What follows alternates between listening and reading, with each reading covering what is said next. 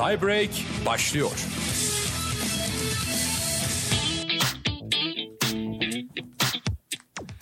Evet efendim. Son tiebreak salısına hoş geldiniz. Böyle deyince sanki program bitiyormuş gibi oldu. Duygu- duygulandınız. E, duygulandım abi kaç senenin tiebreak salısı. Valla çok zor. Yiğit Erdoğan gibi evet. Evet. Ee, son tiebreak salısı olmasının bir sebebi var. Programı pazartesi gününe alıyor oluşumuz. Bunu yayında birkaç kez hatırlatacağız. Lütfen tüm yayını dinleyen dinleyicilerimiz demesinler ki bize ya neden sürekli söyleyip duruyorsunuz. E, duyurmamız lazım. Çünkü tiebreak salısı yıllardır süre gelen bir gelenek ama artık programımızı pazartesi gününe taşıdık. Bir gün değişikliğine gittik. Bu hafta son kez salı günü yapıyoruz. Geçen dün 14 Şubat yayınlarımızdan dolayı e, bir hafta daha ertelemiştik. Gün değişikliğini haftaya 21 Şubat pazartesi itibariyle tiebreak'in artık tiebreak pazartesi gibi bir sloganımız da olmaz muhtemelen. Tiebreak'in pazartesi günleri yayınlanacağını söyleyebiliriz. Mikrofon başında ben Mert Can Arıcı, sevgili Enes Can ve sevgili program stajyerimiz Aral Alpas'la birlikteyiz. Ee, Süper Lig ağırlıklı gidiyorduk birkaç haftadır. Şöyle araya da bir NBA sıkıştırdığımız oldu. Ama bu hafta Süper Lig'i biraz daha kısa tutacağız. Aslında orada da yoğun bir gündem var. Özellikle hani ligin lideri ve ikincisinin mücadelesi vardı. Adana Demirspor Beşiktaş maçı bence son haftaların e, nabzı en yüksek maçlarından biriydi diyelim. Düşük bütçeli Premier Lig maçı gibiydi. Ya gerçekten öyle ama işte hani maç sonu açıklamalar falan çok da Premier olmadığını bence bize hissettirdi. Onun dışında e, Şampiyonlar Ligi eşleşmelerini konuşacağız. Fenerbahçe'nin e, konferans ligindeki Praga eşleşmesini konuşacağız.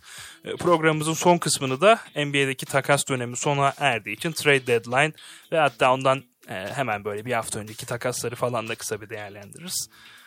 Yani son kısmımız da NBA olacak. Enes Cihan'ın hiç sevmediği kısımlar. Yani Enes Cihan'ın sevdiği kısımlar zaten biliyorsun 22 kişinin bir topun peşinden koşması. Onun dışında Doğru. yani diğer sporlarla çok aram yok maalesef. Yani var da sizin kadar ilgili değilim en azından. Söze başlamak gerekirse Ee, bu arada şeyi söyleyelim jimnastikte e, bir başarı kazandık. Ee, oradan da hani her zaman tebriğimizi yapıyoruz ya. Bir tie break tebriği de gelsin diyelim öyle geçelim konumuza. Ee, e, Fenerbahçe maçıyla mı açalım Galatasaray'la mı Beşiktaş'la ben bir- mı yoksa lidere mi selam mı? küçük duralım? bir giriş yapmak istiyordum. Ee, bu sene hocam bir istatistik çıkmıştı hatırlarsın. Ee, üç büyük takımda teknik direktör değişikliği yapmıştı. Yani e, daha sonrasında yıllardır süre gelen programımız Tiebreak salı gününden pazartesi gününe geldi. Yani Trabzonspor ve Abdullah Avcı işbirliğinin Türk futbol iklimini nasıl etkilediğine ben O da mı Abdullah Avcı'ya yazar? Abdullah Hoca'ya yazar. Şimdi senin söylediklerinden başlıyorum. Hani cevap olarak gidelim istiyorum. Hani dedik ya hani en ateşli maçtı Adana Demirspor, Trabzonspor, Konyaspor ma- maçına böyle kıyaslayınca.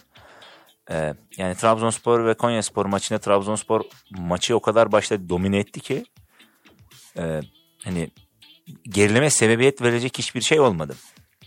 Ama ben işte istersen küçük bir Trabzonspor başlayalım Olur. konuşalım. İlk 11'leri konuşalım. Takımları konuşalım. Oradan da Beşiktaş'la devam ederiz diye düşünüyorum.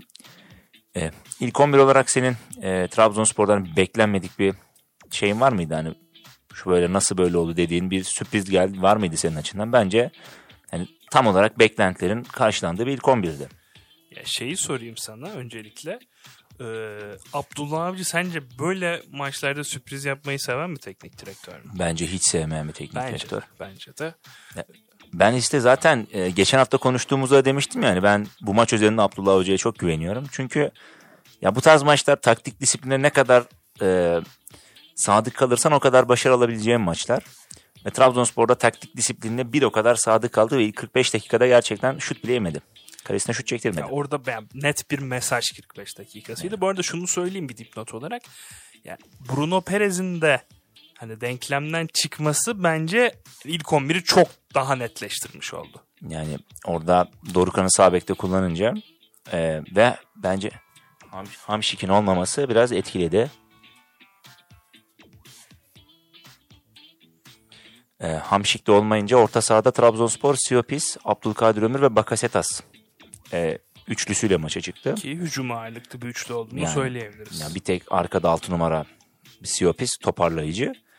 Abdülkadir Ömür'e 10 numara pozisyonu biçiliyor. Bakasetas bence zaten hani ligin en iyi 10 numaralarından bir tanesi. Öyle bir maça başlangıçla beraber Trabzonspor kadro kalitesi e, takım yani taktik plan olarak e, düşünce olarak yani futbolu her alanında ben bu ligin neden lideri olduğunu açıkladığını düşünüyorum. İlk 45 dakika itibariyle e, ama ne kadar şey olursa olsun. Şimdi senin çok hoşuna gidecek bir şey. Santrafor sol kenara geliyor. Top atılıyor. Santrafor devrilip böyle ince bir pasta sağ kanat oyuncusunu pozisyona sokuyor. Rıza Çalınbay'a da selam olsun. Buradan selam olsun. Yani Trabzonspor'un oyuncu kalitesi çok yetenekli ki orada Cornelius'un yaptığı yani gerçekten bir forvet oyuncusundan beklenmeyecek bir oyuna katkı, oyuna müdahale. Cornelius'tan beklenecek bence. Ha, senin bir santrafordan beklenmeyecek bir hamle ama Cornelius'tan beklenecek bir hamle. Doğru söylüyorsun. Yani Abdullah Avcı'nın Cornelius'a bu bonservisi verdirmesinin de bazı Aynen sebepleri öyle. var. Yani Ya. şu an kiralık mı? Yok Bonservis. bonservis 5 milyon euro. Ee, böyle bir Danimarka'nın Mehmet Battalı dedik. Vallahi her maç bir şeyler yaptı bu Vallahi sene. diyen dedi ben demedim. Baba dedik. Dedik. Yine diyorum. Başka santrafor başka bir santrafor olsa bu takımın 15-20 atardı çoktan. Yine diyorum ama helal hoş olsun hiç eleştirmeye gerek yok. Demek ki Abdullah Hoca'nın vardırmış bir bildiği ki bu takım bu halde. Daha sonrasında Edin Visca. Ya burada hani daha geleli 4 hafta oldu. 3 maç aldı. Ya Abi yani biz diyorduk ki işte Edin Visca gelir Trabzonspor'un zorlanacağı kilit 3-4 tane e, maçı çözer ikinci yarıda. Abdullah Avcı da işte o yüzden bu mali yükün altına soktu Trabzonspor'u. Trabzonspor'da söz konusu şampiyonluk olunca biraz kesenin ağzını açtı. Yani bonservis artı maaşı ve kontrat yılında hesaba katıyorum. E, abi bizim konuştuğumuz 2-3 maçı zaten işte Vişya Galatasaray maçını aldı. Kasımpaşa. Kasımpaşa maçını aldı ki bence çok sıkıntılı bir maçtı. Konyaspor maçından daha sıkıntılıydı bence. Yani maç içinden bahsediyorum. Maç önünden değil. Ve Konyaspor maçı attığı iki gol.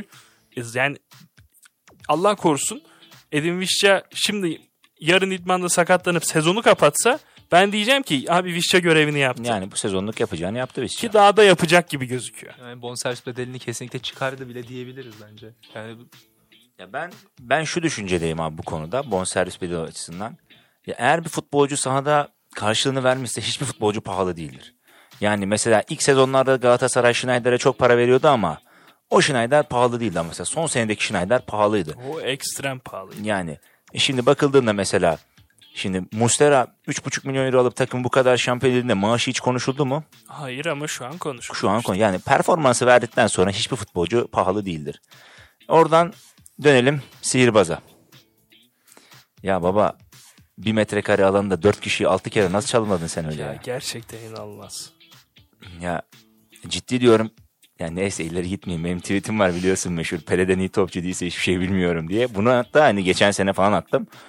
Ya Pele bunu yapamaz bak iddia ediyorum ya. Sen sen neler yapıyorsun öyle ya? Müthiş bir yetenek. Ya, Ve ya bak yeteneğin falan da ötesinde abi müthiş bir keyif bence. Ya beni biliyorsun sen benim Vakayeme'yi nasıl izlediğimi. E, ben gerçekten hani Trabzonspor'un gol atmasındansa Vakayeme'nin çalım atmasını tercih ediyorum bazen. O kadar keyif veriyor bana futbolu.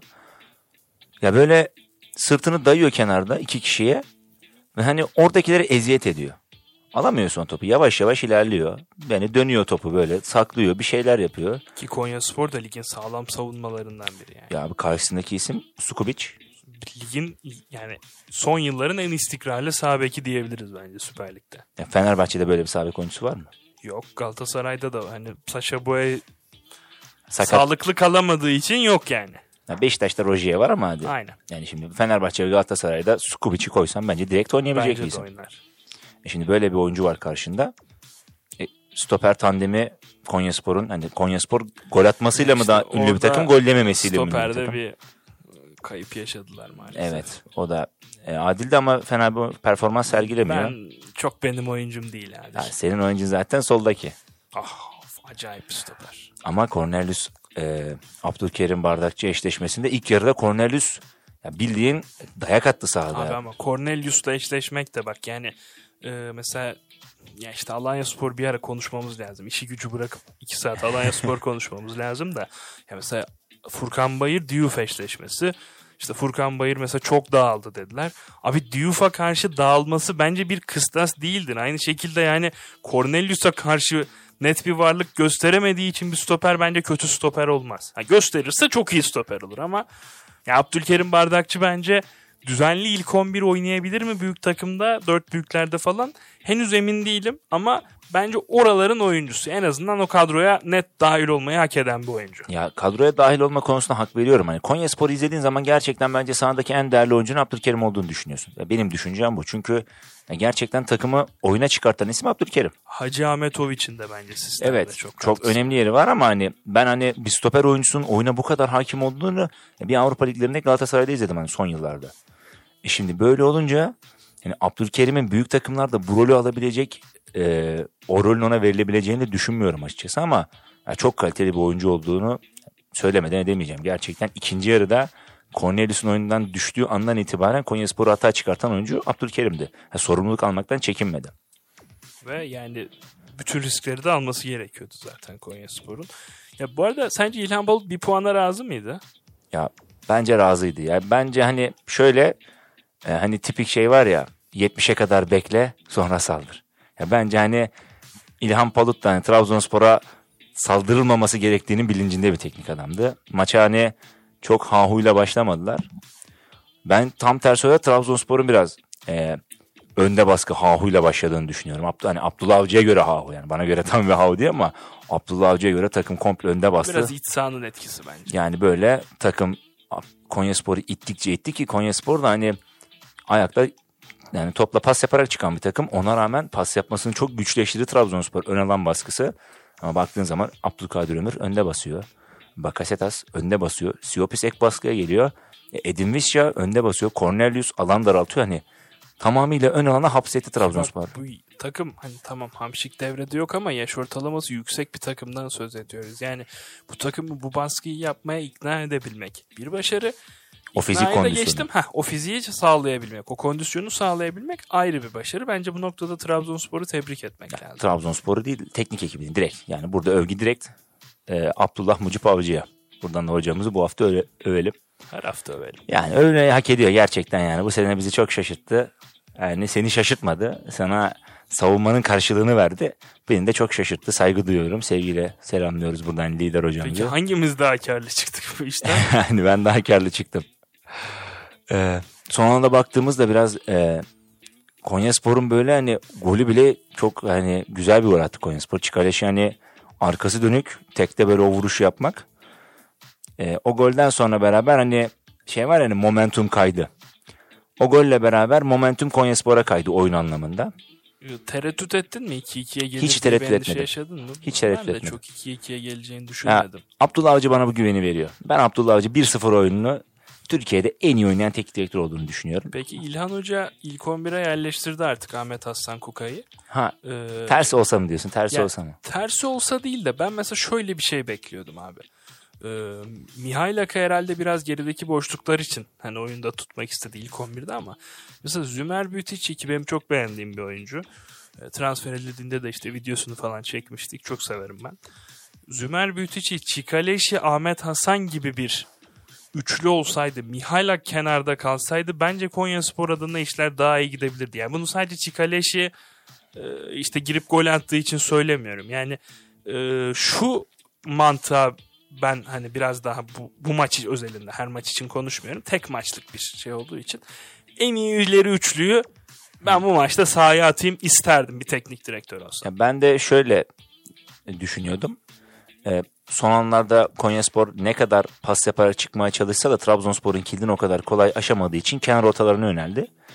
Ee, kenar ortalarında Ahmet Aslan mı daha etkili olur? Sokol Çikaleşi mi? Ahmet Aslan çok farklı bir fizik Yani- ama bu arada Çikaleşi de kötü kafacı Yok değil. asla değil. Hani ikisi de aynı anda olabilirdi ama işte yani şurada hani senin ilk sorduğun soruya da geliyorum esasında. Yani Ahmet Aslan Hoca daha çok e, galibiyeti istediği maçlarda sonradan oyuna katıyordu normalde. Doğru. Yani demek ki hoca da bu maçı hani önceden bir atayım sonradan 1-0'ı korumaya çalışayım Evet, düşüncesine evet. de. Yani gayet mantıklı. Ya ben de biraz şöyle düşündüm işte hani e, mesela Büyütiçi, Çikaleşi ve Ahmet Hasan işte Gezal, Larin, Abu Bakar. Hani biraz da tabii fukara versiyonu biraz üz- üzgünüm ama e, ki gayet başarılı bir üçlü bu da ama yani şöyle düşündüm ben abi böyle bir üçlüyle başlayıp öne geçersem ya da hatta hani berabere de giderse çünkü bence berabere giderse Trabzonspor her ne kadar yarışta önde olsa bile bence biraz daha risk alacaktı. Ee, Hani Mihailak oyuna atıp Mihailak çünkü açık alanda hızlı etkili bir oyuncu. Ben biraz daha bunu kovalamasını beklerdim İlhan Palut'tan. Ee, Ama hani ya maç içinde işte bir açık alan bulayım bir tane atayım sonra geri çekilirim mantığı da yanlış bir mantık değil zaten. Teknik direktör tercihine kalıyor bir noktada bu kadar detay. Ben bunu şeye yorayım. İlhan Palut'un işte büyük takımda tecrübesinin olmamasına ediyorum. Şimdi Trabzonspor gibi Galatasaray gibi takımlar bu tarz maçlarda ne kadar hani beraberliğin de işine yarayacağını bilseler de şu mentaliteyle çıkar büyük takım taraftarları. Ya şunu değinemeyeceksen şampiyon olma zaten. Hani tipik bir sezonun sonuna doğru giden derbi oynarsın. Beraberlik senin işine yarar. Ama yani o geçmişten gelen o takımların şeyi ya Fenerbahçe yenemiyorsak zaten şampiyon olmayalım gibi bir mentalite vardır o insanlarda. E şimdi Trabzonspor'un en yakın rakibi Konyaspor. İç sahada oynuyorsun. E kadron güçlü. Ya taraftarlar hani galibiyet bekliyor oraya. Hani beraberlik Trabzonspor'un işine yarıyor. Evet. Ama Trabzonspor iç sahada yani direkt rakibiyle oynadığı her maça galibiyet parolasıyla çıkmalıdır. Çıkmak zorundadır da yani. Bunu şey yapamıyorum. Kesinlikle. Yani bu, Yani- bu sezon özelinde bir şey de değil bence. Çok kötü sezonlar Yani. dışında böyle. Şimdi İlhan Hoca yani başta gerçekten 0-0'ı tutmaya çalışsaydı hani her geçen dakika onun işine yarayacaktı. Ama hani İlhan Hoca da hani hani ben de ikinciliği boşa almadım buraya. Ben de buraya galibiyet almaya geliyorum. O sakinlikle sahaya çıkacağım hani. O gerilim, gerginliğe girmeyeceğim işte. Hani taraftarın ateşine kapılmayacağım gibi böyle bir şeylerle çıkınca bir de erken gol geldi Trabzonspor'dan. Bütün planlar tepe taklak oldu. E, Konyaspor gibi bir takım hani e, Konyaspor gibi takım derken hani Trabzonspor'a kıyasladığında kadro kalitesi daha geride olan bir takımın e, 1-0'dan geriye dönmesi Abdullah Avcı gibi bir takıma Abdullah Avcı'nın takımına karşı 1-0'dan geri dönmesi Çok zor. Çok zor. Ve Serdar Gürler'i de bence biraz aradı Konyaspor. Tabii ki ya Serdar Gürler yani o oyunda gerçekten çok katkı veriyordu. Hani araya kaçma konusunda gerçekten çok iyi oluyordu ve bunu hani sadece yarı sahadan araya kaçışlar hani kontralarda değil hani yerleşik hücumlarda bile o çizgiye inerek Sukubic'i çok rahatlatıyordu. Tam Konyaspor'un bu maç özelindeki stratejisine uygun bir oyuncuydu bence Kesinlikle. Serdar. İşte yani biraz da sitem ediyor haklı olarak hani Konyaspor yönetimi Evet. taraftarı da.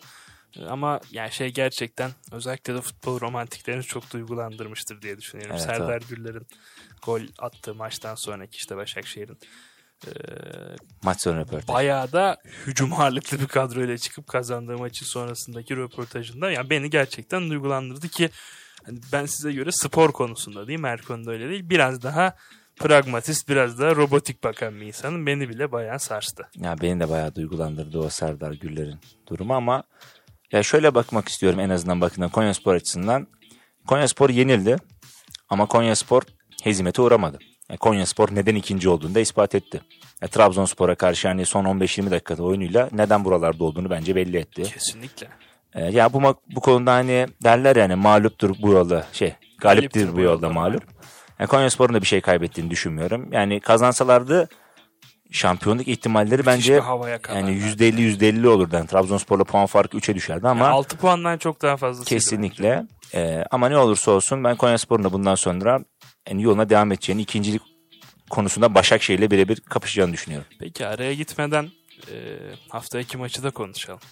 Şimdi liderle ikincinin mücadelesi birçok kişiyi, birçok futbol severi elbette heyecanlandırıyordur ama ya bence çok daha özel bir maç var bu hafta sonu. Alanya Spor, Trabzonspor.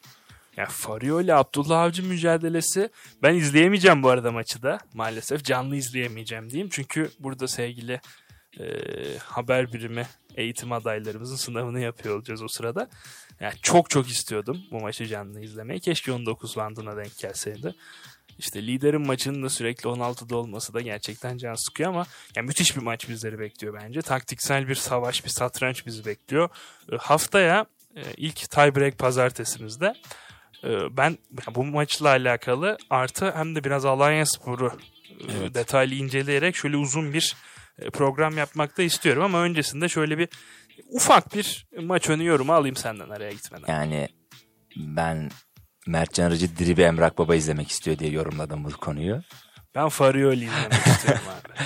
Ee, senin zaten hani üçlü savunma, Farioli, işte defanstan kısa paslarla çıkmak bu tarz şeylere ne kadar önem verdiğini biliyorum. Ee, Trabzonspor konusunda da hani ben gerçekten hani Alanya Spor'un Trabzonspor Trabzonspor'un Alanya Spor'u yenemeyeceğini düşünüyorum. Yani Trabzonspor'un maça beraberlik pa- parolası çıkacağını düşünüyorum. Tipik bir Farioli 1-1 maç sonu diyorum. Yani ben de öyle bekliyorum. Hani mesela hatırlarsan geçen hafta Trabzonspor'un Konyaspor'u yeneceğini söylüyordum. Hani Evet. ama e, Abdullah Avcı'nın taktiksel birikiminin Farioli'den çok da üstün olduğunu düşünmüyorum. Kadro kalitesi ama kadro kalitesi Trabzonspor'un üstün ama iç sahada Alanyaspor da çok başka oynuyor. Yani o yüzden ben maçın çok 1-1 koktuğunu düşünüyorum. Ya benim de içinden geçen skoru açıkçası. Bir araya gidelim istersen. Sonra da Beşiktaş konuşalım. Ee, aynen öyle bir Beşiktaş maçına gelelim. Ee, Murat Sancan da çok gerçekten çarpıcı açıklamaları var. Onların hepsini de konuşacağız dönüşte. Tie break devam ediyor.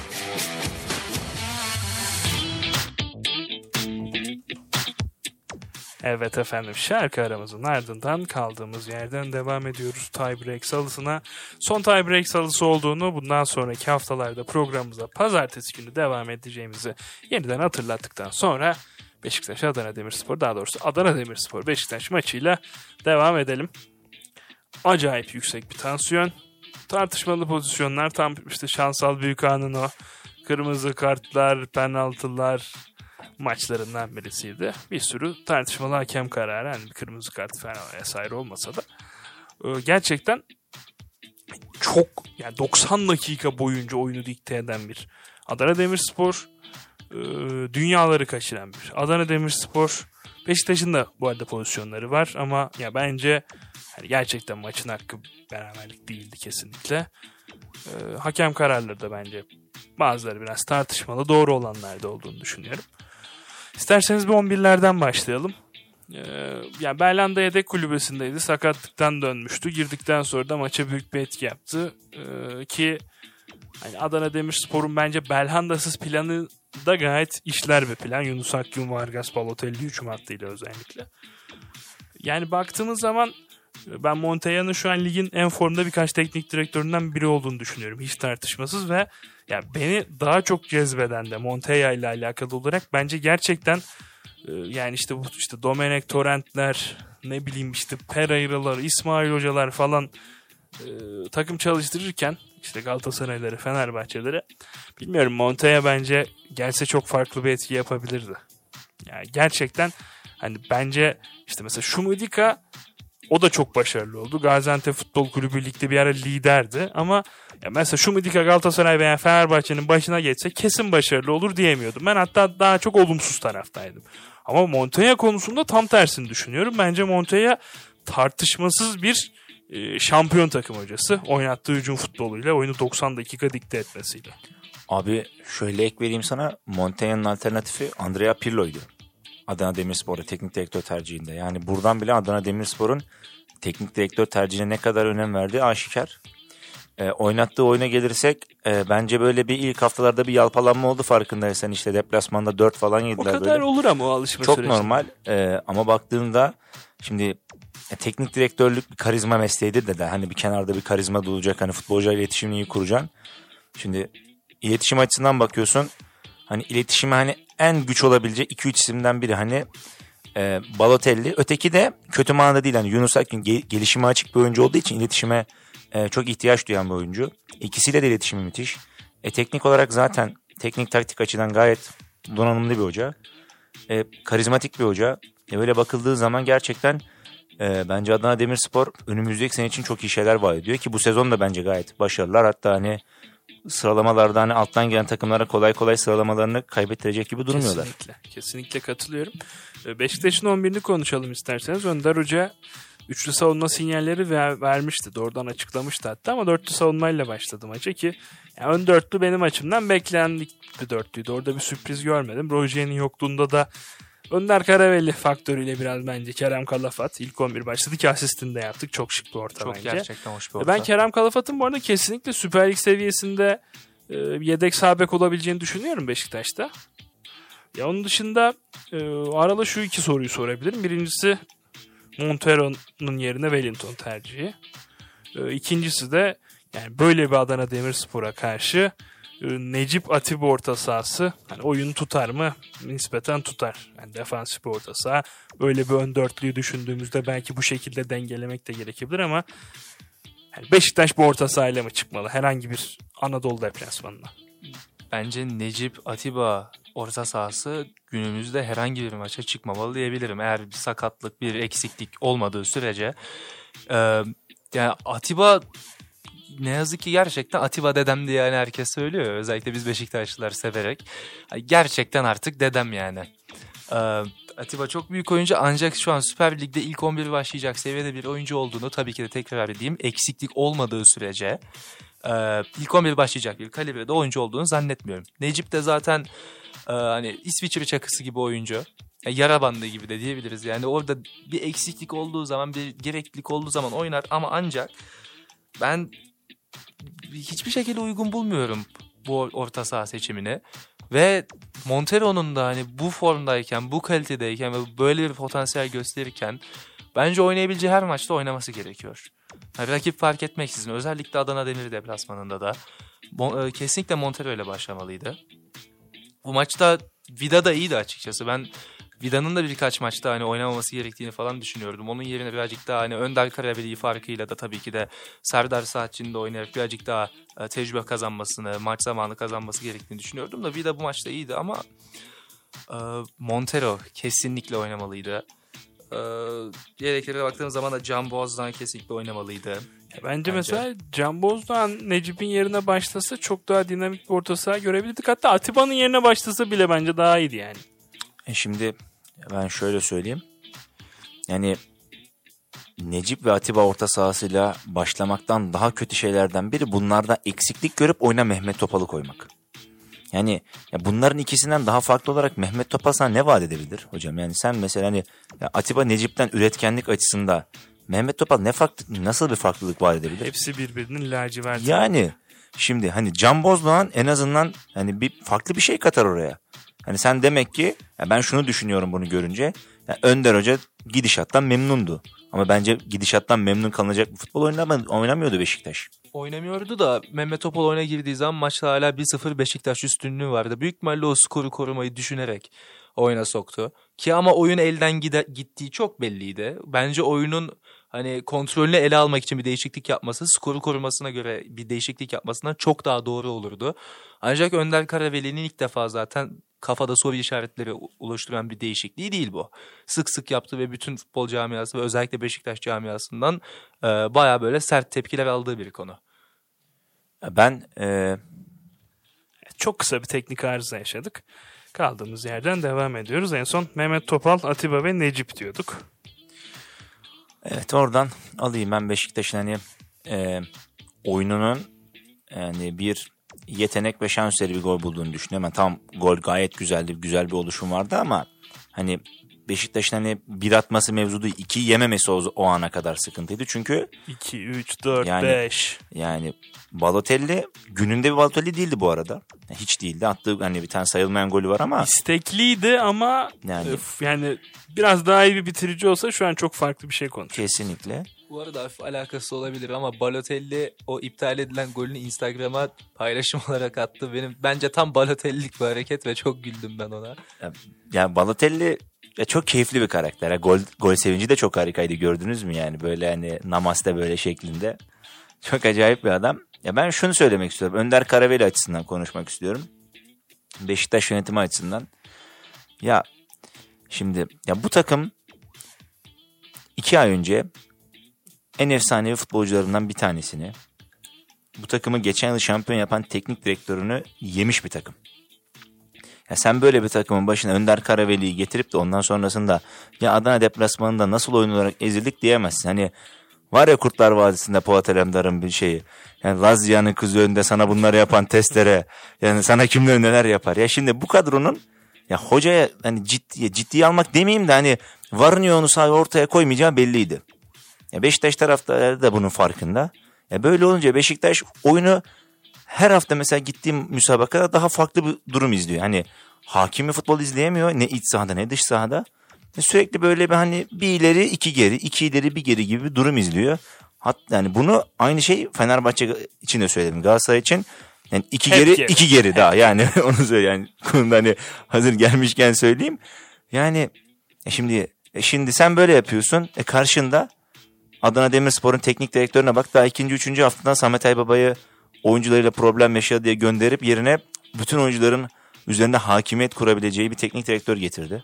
Abi bunu seninle çok net hatırlıyorum.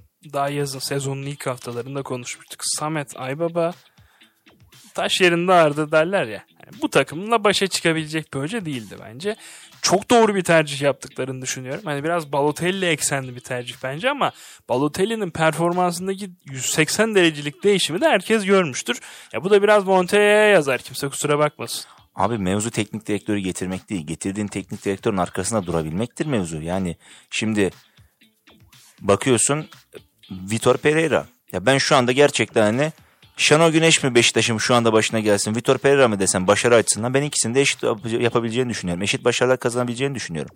Yani Vitor Pereira'nın ben transfer ağının Türkiye Ligi'ne ne kadar katkılı olabileceğini görüyorum. Oynattığı oyunun çok arzulu, hücumlu futbol olmasa da kazanan bir futbol olduğunu düşünüyorum bakıldığında. E şimdi ama sen e, yönetimi arkasında durdun mu?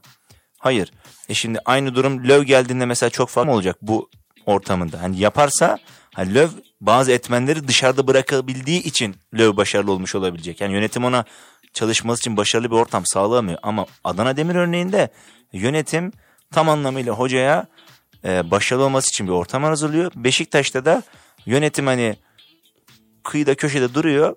Ya aman taraftar işte Önder Hoca sevimli, sempatik adam bir şey demiyor. Gençleri oynatıyoruz diye bir slogan da buldular. Hoca'yı kurtlar sofrasına attılar. İşte Kerem Kalafat, Rıdvan yani. Yılmaz, Emirhan İlkan. Bir şey olursa haftaya Serdar Saati stoper başlar. Aynen o yani. Yani şimdi abi bunu... Ama verim de alıyor gençlerden. Ya abi onların hocası zaten. Yani mevzu bu takımda Teşera'dan ilk defa gol performans alınması zaten sıkıntıydı. Doğru. Yani zaten yani onlardan alacaksın zaten sen onların hocasısın. Hani nedenlerin bu halde? Ya bunu tartışması lazım Beşiktaş'ın. Yani tamam oyuncular da çok kıymetli. Rıdvan'ın artan formunu konuşuyoruz. Kerem Kalafat çıktı gayet iyi oynadık. Bunu konuşuyoruz. Serdar Saatçi Kayseri Spor maçında iyi oynadı asist yaptı. Bunları konuştuk. Ama biraz da diğerlerini konuşmamız gerekiyor. Bu Beşiktaş'ın orta sahasının haline Önder Hocam. Ve yani tercih de çok kötü tercih abi. Direkt intihar bence. Ya bir kere ben şunu söyleyeyim. Bence Necip orta saha falan değil abi. Bence Necip bir stoper yedeği. Bence de. Ya da Belki en, sağ en kötü... Önder Karaveli de aynı açıklamada bulunmamış mıydı? Necip'in bence gerçek e, mevkisi stoper demişti hatta o da. Şimdi Ve... bu maçta dedikten yani bir maç stoper başlattı yanılmıyorsam. Abi, Üç, üçlü savunmada. Can Bozdoğan kenarda duruyor. Evet abi. Yerli mi? Yerli. Yerli işte. E, genç mi? Genç. E, abi bence en önemlisi dinamik. Evet güç abi. veriyor orta sahaya. Oyuna hız katıyor. Topu A- hareket ettiriyor. Abi bir de Adana Demirspor hızlı çıkan bir takım. Ya arkaya attıkları hem hızlı hem organize. Hem, hem organize hem hızlı çıkıyorlar. E şimdi sen böyle olunca Wellington'u stoperde kullanınca Necip gibi hani hızlı bir oyuncuyu da kaybediyorsun defansta. Ben Wellington tercihinin Bilmiyorum. Skandal olduğunu düşünüyorum. Kötü olduğunu düşünüyorum gerçekten. Ee, yani benim Beşiktaş maçı hakkında söyleyebileceğim şeyler bunlar. Hakem konuşmasına gelirsek Valla hakemlerin ne zaman performansından memnun kaldık ki diyebilirim. Ali Şansalan bu sezona damga vuran hakemlerden yani, biri oldu. Gerçekten. İki imza maçla. Ee, şöyle ben Beşiktaş'ın yani Balotelli'nin iptal olunan golünde Beşiktaşların itirazını e, ve haklı buluyorum. Adana Demirspor'ların itirazını haksız buluyorum. Bence faul. Kesinlikle. Ee, ama yani genelde ben bu kaleciyi engelleme pozisyonlarında hep Evet abi kaleciyi engelliyor. O yüzden offside tarafında olurum. Verilende de verilmeyeninde de büyük oranda. Ama ben burada e, Balotelli'nin Ersin'i %100 engellediğini kesinlikle düşünmüyorum. E, bence biraz blogger bir offside kararı oldu. Ya bir de hani o dakikada o golü iptal etmek hani ve daha önce de golü iptal etmesin ki şimdi şu var e, atılan golde de Beşiktaş'ın atılan golde de hani benzer bir faul pozisyonu olmuştu. Beşiktaş'ın attığı golde. Hani Vargas'ın pozisyonundan daha hafifiydi yani bunu söylemem lazım. Ama ortada ortada bir faul söz konusuydu. Orada hani topa dokunup ayağa basıyordu. Vargas'ın pozisyonunda topa dokunmadan direkt bir ayağa basma olduğu için birini gol ver ötekini vermedi. Bunu kabul edebiliyorum. Arada hani en azından belirli bariz bir fark var. Ama abi son dakikada o golü iptal edersen bunu açıklayamazsın yani. Bir Kesinlikle. de hani yani ya o şutu hani Balotelli önünde olsa da gol ya. ya o şut tutamaz kaleci yani. Hani... Gol de abi ben ben engellediğini falan da düşünmüyorum. Yok, Görüş açısını falan kapattığını hiç zannetmiyorum yani. Ya ben açıkçası bizim ligimizin yanı sıra bütün liglerde ve izlediğim bütün müsabakalarda hakemlik açısından bir istikrar bekliyorum. Ee, de istikrar konuşulacak ol- olacaksak tabii ki de öncelikle Beşiktaşlı olduğumu da burada belirteyim. O yüzden hani tabii ki de Beşiktaş'ın lehine bir eğilimim olacak. Ancak Mehmet Topal'ın da bizde ligin ilk, ilk yarısında Antep maçı. Antep maçında Topuk golü. bir topuk golü vardı. Ve o pozisyon bence bu pozisyona göre offside'da yani çok da alakasız bir pozisyondu. Katılmıyorum. Bence. Ben, bu ben, ben pozisyon- çok da Ben, alakasızdı ben orada. bu pozisyondaki hani ben VAR'a onun için gidilmesinin falan bile çok saçma olduğunu düşünüyorum Evet. bu pozisyonda. Ben o pozisyonu hatırlıyorum. Antep maçıydı hatta. Ben o pozisyonun hatta offside olduğunu düşünenlerden. Ben de. Bak o pozisyon offside olduğunu düşünmeme rağmen. Abi bak Moskova Kartalları yine girdi denklemin içine. Buradan bütün Moskova Kartalları ve dünyanın dört bir yer- yerine selam gönderiyoruz. Bu Beşiktaş lobisi bak önce Celal Uğur Çankaya şimdi Aral Alpas yedirmeyecekler ya. Bir Napoli'ye selam yollayalım. Buradan selam yollayalım Napoli'ye. Bir de Selam. doğum günü ya. Bir Barcelona'nın öz Buradan. evladına da selam Aynen. yollayalım. Buradan da- Sevgili selamlar doğum günü kutlu olsun. Evet abi e, buradan bir küçük bir Beşiktaş e, Galatasaray Fenerbahçe'ye bir değinelim istersen. Ondan önce son şunu da söyleyebilir miyiz acaba? Önder Karaveli'nin bence maçta yaptığı en kötü değişiklik Gezal'ı çıkarmaktı. Ben Gezal'ın sahanın en iyisi olduğunu düşünüyorum ve ileriye giderken ki açık ara en iyi oyuncumuzdu. Ve ben Batshuayi ve Lerin dururken onu çıkarmasını çok yanlış buluyorum. Ya bu Batshuayi'de ne görüyorlar ben zaten anlayamıyorum vallahi ya. Batshuayi gerçekten hani şey şey yapmışlar ya hani böyle yarasa keşke bir şeye yarasa Aa, yapmışlar. Ya şey yok mu bu? Hani yine gözümüz yükseklerde o şey klarnet çalan Batman. Aynen tam olarak Ya- o işte Süper Lig'e gelen Ya, Batshuayi. Evet gerçekten öyle. Ya bak ilk yayınımızı hatırlıyorum burada Mertcan'la. Ya demiştim ki böyle o gün. Mertcan demişti ki işte 6 tane Şampiyonlar Ligi maçını düşünerek alınan bir oyuncu demişti. Hani Türkiye Ligi'ne uygun olmadığını ama kalitesini fark yaratabileceğini söylemişti. Ya ben de demiştim ki abi ya bu biraz daha pivot Luke de Jong falan gelse Beşiktaş ya çok daha fark yaratırdı ligde. Yine aynı yerdeyim. Ya bu tarz santrafor almayın kardeşim ya. Önce golcü alın ya. Gol Bu arada atsın. Luke de Jong bizim ligde e, bir kere bir 10 tane kafa golü atar. Çok temiz at. Ya şey tane rahat atar. Ya Diouf'un atar. 10 tane golü var kafayla yani. Ki benim hani Süper Lig'in underrated'larından biridir Diouf. Kesinlikle. Hani yaşı olmasa bence kesin transfer yapardı. Diouf Atay'a gelmeden sabek oynamaya başlamıştı Stoksis'i de bu arada. Ama yani abi böyle bir orta kesiyorsun hepsine dokunuyor. Yani acayip bir tehdit yani, Yani- sürekli tehdit. E, Galatasaray'ın Diouf'a karşı stoperde Jetson Fernandez'i çıkardığı maç der susarım. Evet. O çok 3-0'lık maç.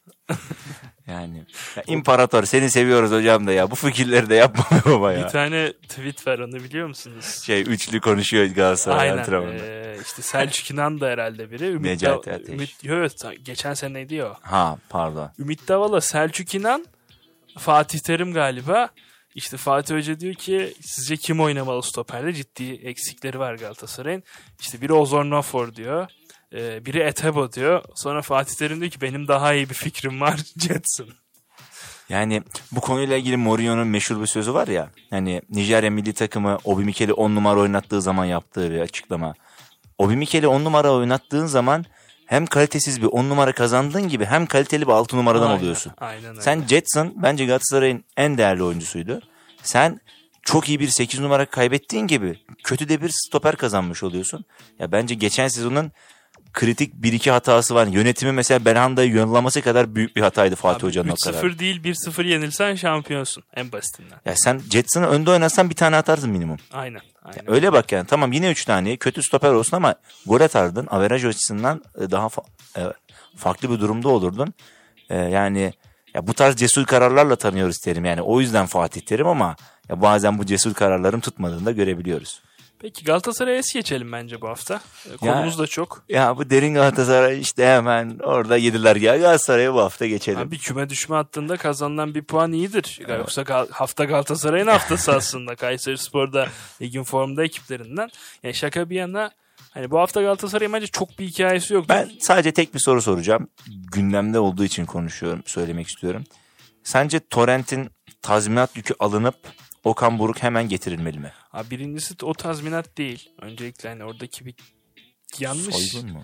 Yo yo yo anlamda söylemiyorum. Yani orada bence yanlış bir ifade var. Çünkü maaşının kalanı. Tazminat değil öncelikle. Ee, onun dışında da hani Dominic Torrent'in ya bilmiyorum ben bana çok çok güven vermemişti yani zaten göreve gelirken de burada konuşmuştuk. Yani bir şeyler gösterebileceğini düşünüyordum. Ben kısmen bir şeyler gösterdiğini de düşünüyorum da hani şu an Galatasaray'ın aradığı şeyler o ufak detaylardan çok daha fazlası bence. Ee, ben Okan Buruk tercihini bilmiyorum yani başarılı olur mu? Olabilir. Ee, ama yani şu an Torrent'i gönderip Okan Buruk mudur getirilmesi gereken isim bence değildir.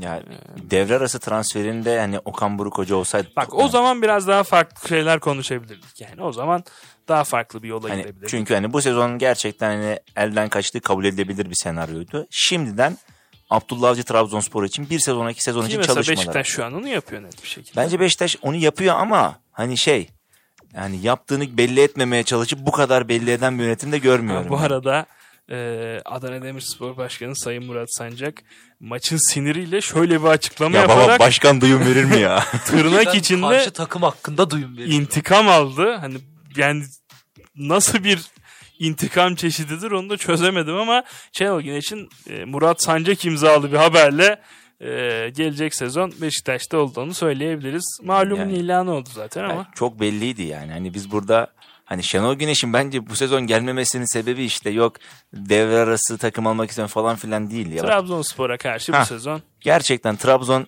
lobisinden, dostlarından, arkadaşlarından çekindiği için hani ben Trabzonspor'un şampiyonluk senesinde rakip takımı çalıştırıp da hani Trabzonspor'un efsanelerinden çıkmayayım diye. Yani çıkmayayım dedi yani Trabzonsporluluktan gelmedi hoca. e, bence e, mantıklı bir gerekçe. Çünkü Beşiktaş'ın da bir şampiyonluk şansı Yani. dolayısıyla.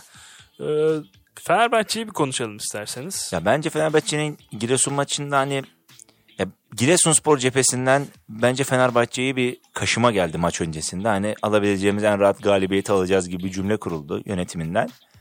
Ya tamam hani Fenerbahçe kırılgan bir durumda.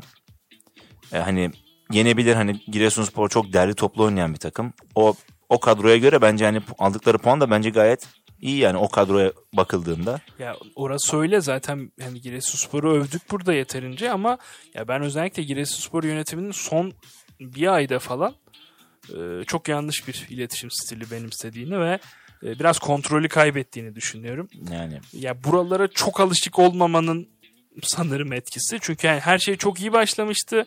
Ya bence Hakan Keleş'e güvenilmesi sezon başında işte çok kötü başlangıçtan sonra Hakan Hoca ile devam edilmesi falan bunlar çok güzel şeyler O ama konuyla ilgili bir açıklama yapayım abi. Mesela ben sezon başında Giresunspor yönetimi çok takdir etmiştim. Başkanı şöyle bir açıklama yaptı.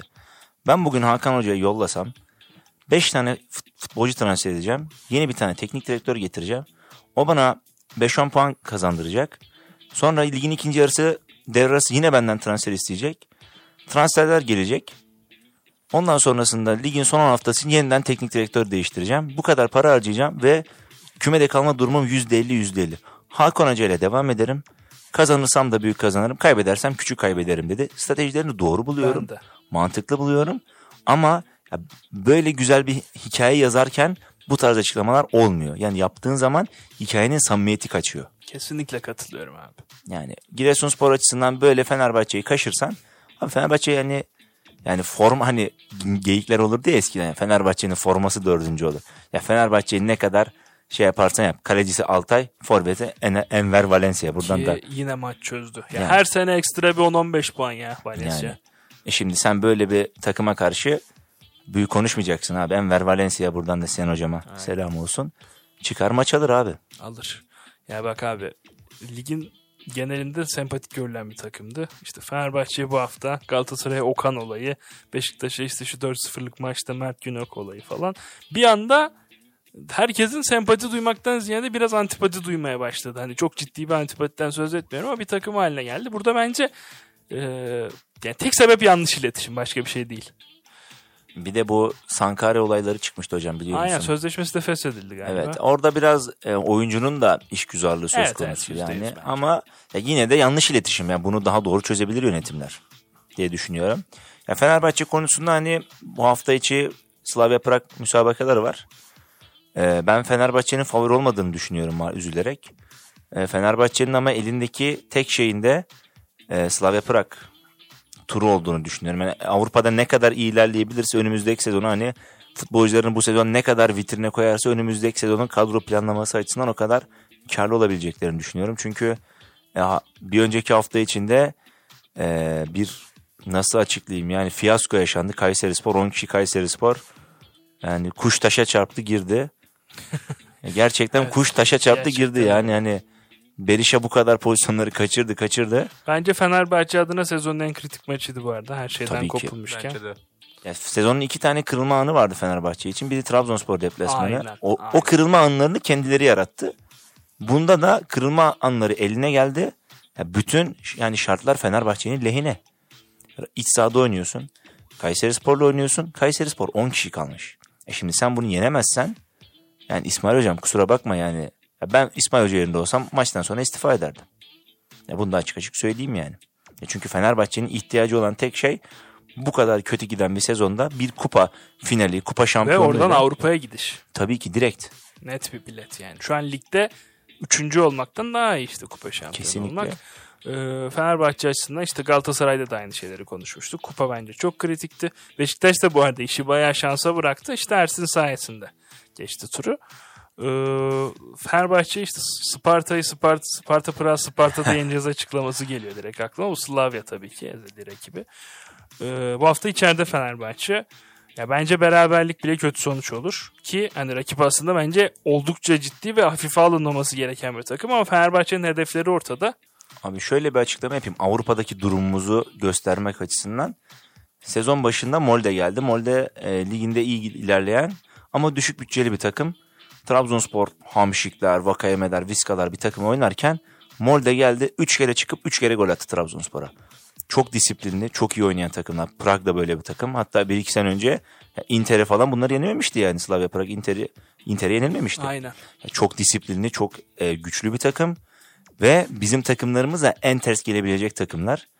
E, Fenerbahçe açısından umarım sahada e, sadece yani motivasyonla çıkmış bir Fenerbahçe görmeyiz. Yani işte Avrupa motivasyonu bu arada hani bence net ve etkidir ama ya bir planınız olmazsa bu, Evet. ta- bu tarz takımlara karşı gerçekten artık işiniz çok zor. Yani, Yani. devir değişti. Hadi İrfan'ım çık sen bu maçı yenersin yetmez. Yok yok yetmez. Hadi. İrfan Can menajerinin açıklamasını gördünüz mü? Gördüm. Avrupa'dan teklif alsaydık Fenerbahçe'ye gelmezdi. İşte bunlar biraz şu dönemde sanki yapılması çok doğru açıklamalar mı bilmiyorum. Abi işte yani e, yönetim öyle güçlü olacak ki işte menajerler böyle konuşamayacak. Evet aynen öyle. Abi yönetim bunları dedirtmeyecek futbolcularına. Peki tek şarkılık bir ara verelim. Oradan Ee, da. Dönüşünde bir Şampiyonlar Ligi konuşalım ardından da NBA'ye gidelim. Tiebreak devam ediyor.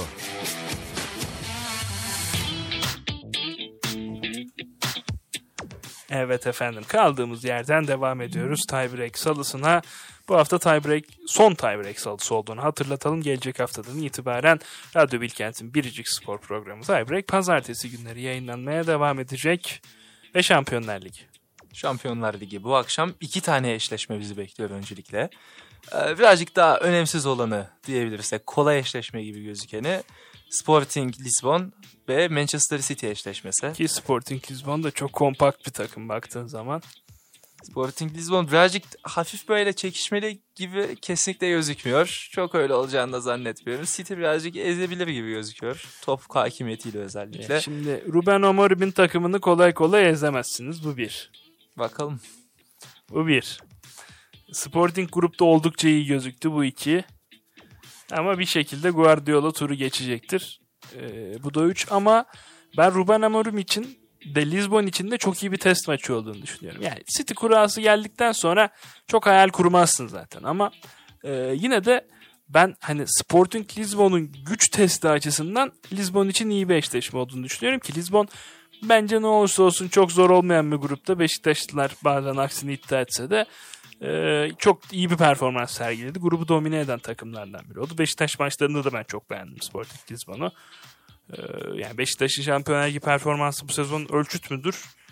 Bilemem değildir bence, Bence ama e, yine de gayet iyi gözüktüler. E, ya her yönüyle bence. İşte duran top becerisi, oyun organizasyonu her şeyle Ruben Amorim. Baba 5. Geç ya. Geç Beşiktaş'a geç geç. Duran top demişken sence Coates bu maçta da bir şans kafası atar mı ya hocam? şans mı? Sergen hocamın dediğiyle biraz böyle hani şans duran topu Ben kafası bir tane falan. gol atar diyorum bu arada. Lisbon bugün. Yani Bence bugün Lisbon'un ne atacağından ziyade ne yiyeceği konuşulmalı. Çok da yemez. Bence üçer. Ben 4-1, 5-1 Ben de bekliyorum. 2-1 diyorum. City diyorum. Bence bir tane atar da bence de 3-1. Maç Lisbon'da değil mi? Lisbon'da. Evet evet Lisbon'da. 2-1 City diyorum ben. Yani ben ben City'nin rahat yeneceğini düşünüyorum. Bence keyifli eşleşme. Yani şöyle çok dengeli eşleşme değil tabii ki ama ya ben Amorim'i City'ye karşı izlemek istiyorum abi. Şöyle söyleyeyim bence hani çok beklentiyle beklediğimiz Paris Saint Germain Real maçına göre daha keyifli bir maç olacağını düşünüyorum. Bence de. Ama hani bunun sebebi de güç farkı olduğundan dolayı bunu konuşmuştuk. Ama e, ya baba bu ağırlı 0-4 bir kere başladı mı durdurulamıyor. Doğru. Orası doğru. Peki geçelim mi? Asıl maça geçelim abi. Paris'te oynanacak. Paris Saint Germain Real Madrid eşleş- Şimdi Ramos eşleşmesi. olmayınca biraz eşleşmenin hype'ı düştü bence. Ramos olsa çok eğlenceli olurdu. Bir Messi ortasında Ronaldo Kesinlikle. kafa golü, şey Ronaldo diyor. Ramos kafa golü Real'e karşı Ya falan. Ramos'un oynaması bile bence. Orada varlığı bile bir de. hikaye. E işte burada Messi, Neymar, Mbappe. İşte Mbappe belki biraz buradan bir hikaye çıkabilir. Çünkü sezon sonu Real Madrid'e imza atacağı konuşuluyor ki kontrat uzatacak diyenler de var ama yani bence o iş bitti.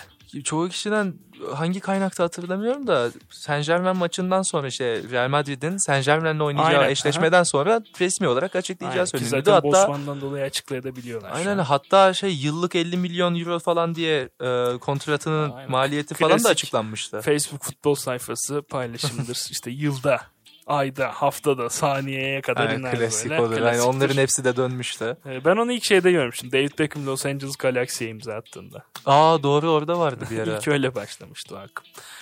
Ee, bu eşleşme bence biraz daha doğal olarak iki tane kült takım olduğu için acayip iki kadro olduğu için Real Madrid'de bence bu sezon beklenenden iyi gözüktüğü için özellikle de Benzema ile ki Don Carlo'nun Benzema'yı ne kadar iyi kullandığını iki döneminde de gördük. Ee, denk bir eşleşme bekliyorum ben. Ee, Bu da bence Real Madrid için net bir test maçı. Çünkü abi bu takım yani Messi, Neymar, Mbappe'ye karşı ne yapacak diye bence herkes merak ediyordur. Bu arada Benzema bu turu da geçerse yani toplanıp herhalde bir şeyler deriz. Açıkçası ben sana o kadar denk bir eşleşme denk bir eşleşme olabilir ancak bence bu ilk maç pek denk olmayacak. Çünkü orta sahada bana Verratti birazcık yalnız kalacak Saint Germain açısından. Ve Real Madrid'de Modric, Kroos ve Casemiro orada orta sahaya bayağı hükmedecek gibi geliyor.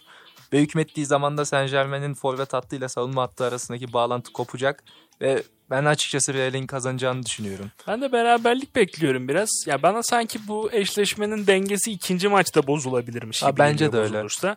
İlk maç biraz daha iki tarafında birbirini tartacağı işte e, Paris Saint Germain'in işte etkili hücum ayaklarıyla, yıldızlarıyla gol arayacağı Real Madrid'in de e, işte Ancelotti'nin klasik bu sezon başından beri kullandığı sistemle işte Benzema'yı etkili ve aktif kullanarak bir şekilde e, skora gitmeye çalışacağını düşünüyorum. Bence erken dakikalarda gelecek bir Real Madrid golü bu eşleşmeyi biraz keyifli bir hale getirebilir. Ee, yani şimdi bakıldığında e, ben şöyle bakmak istiyorum olaya. Ya Bir tarafta Don Carlo e, hani çok takımına hakim bir teknik direktör. Öteki tarafta da sürekli eleştirilen, sürekli basında ismi çıkan işte gönderilecek, kovuldu kovulacak gibi ismi çıkan bir Pochettino hoca var. E, Pochettino şeyle orada yani hiç sevmem, hiç beğenmem ama e, şimdi acayip bir maç bekliyor. Gerçekten son yıllara bakıldığında hikayesi anlamında, e, kadro kalitesi anlamında son 16 turlarında böyle bir maç izlemedik bence. Gerçekten çok kritik bir müsabaka. Ya bir de biraz epik oldu işte. Önce kura çekildi, iptal edildi, sonra bu eşleşme oldu falan. Ki iptal edilen kurada Manchester United e, Paris Aynen, Saint Germain aynen. eşleşmesi vardı. O da çok epik bir maç olacaktı.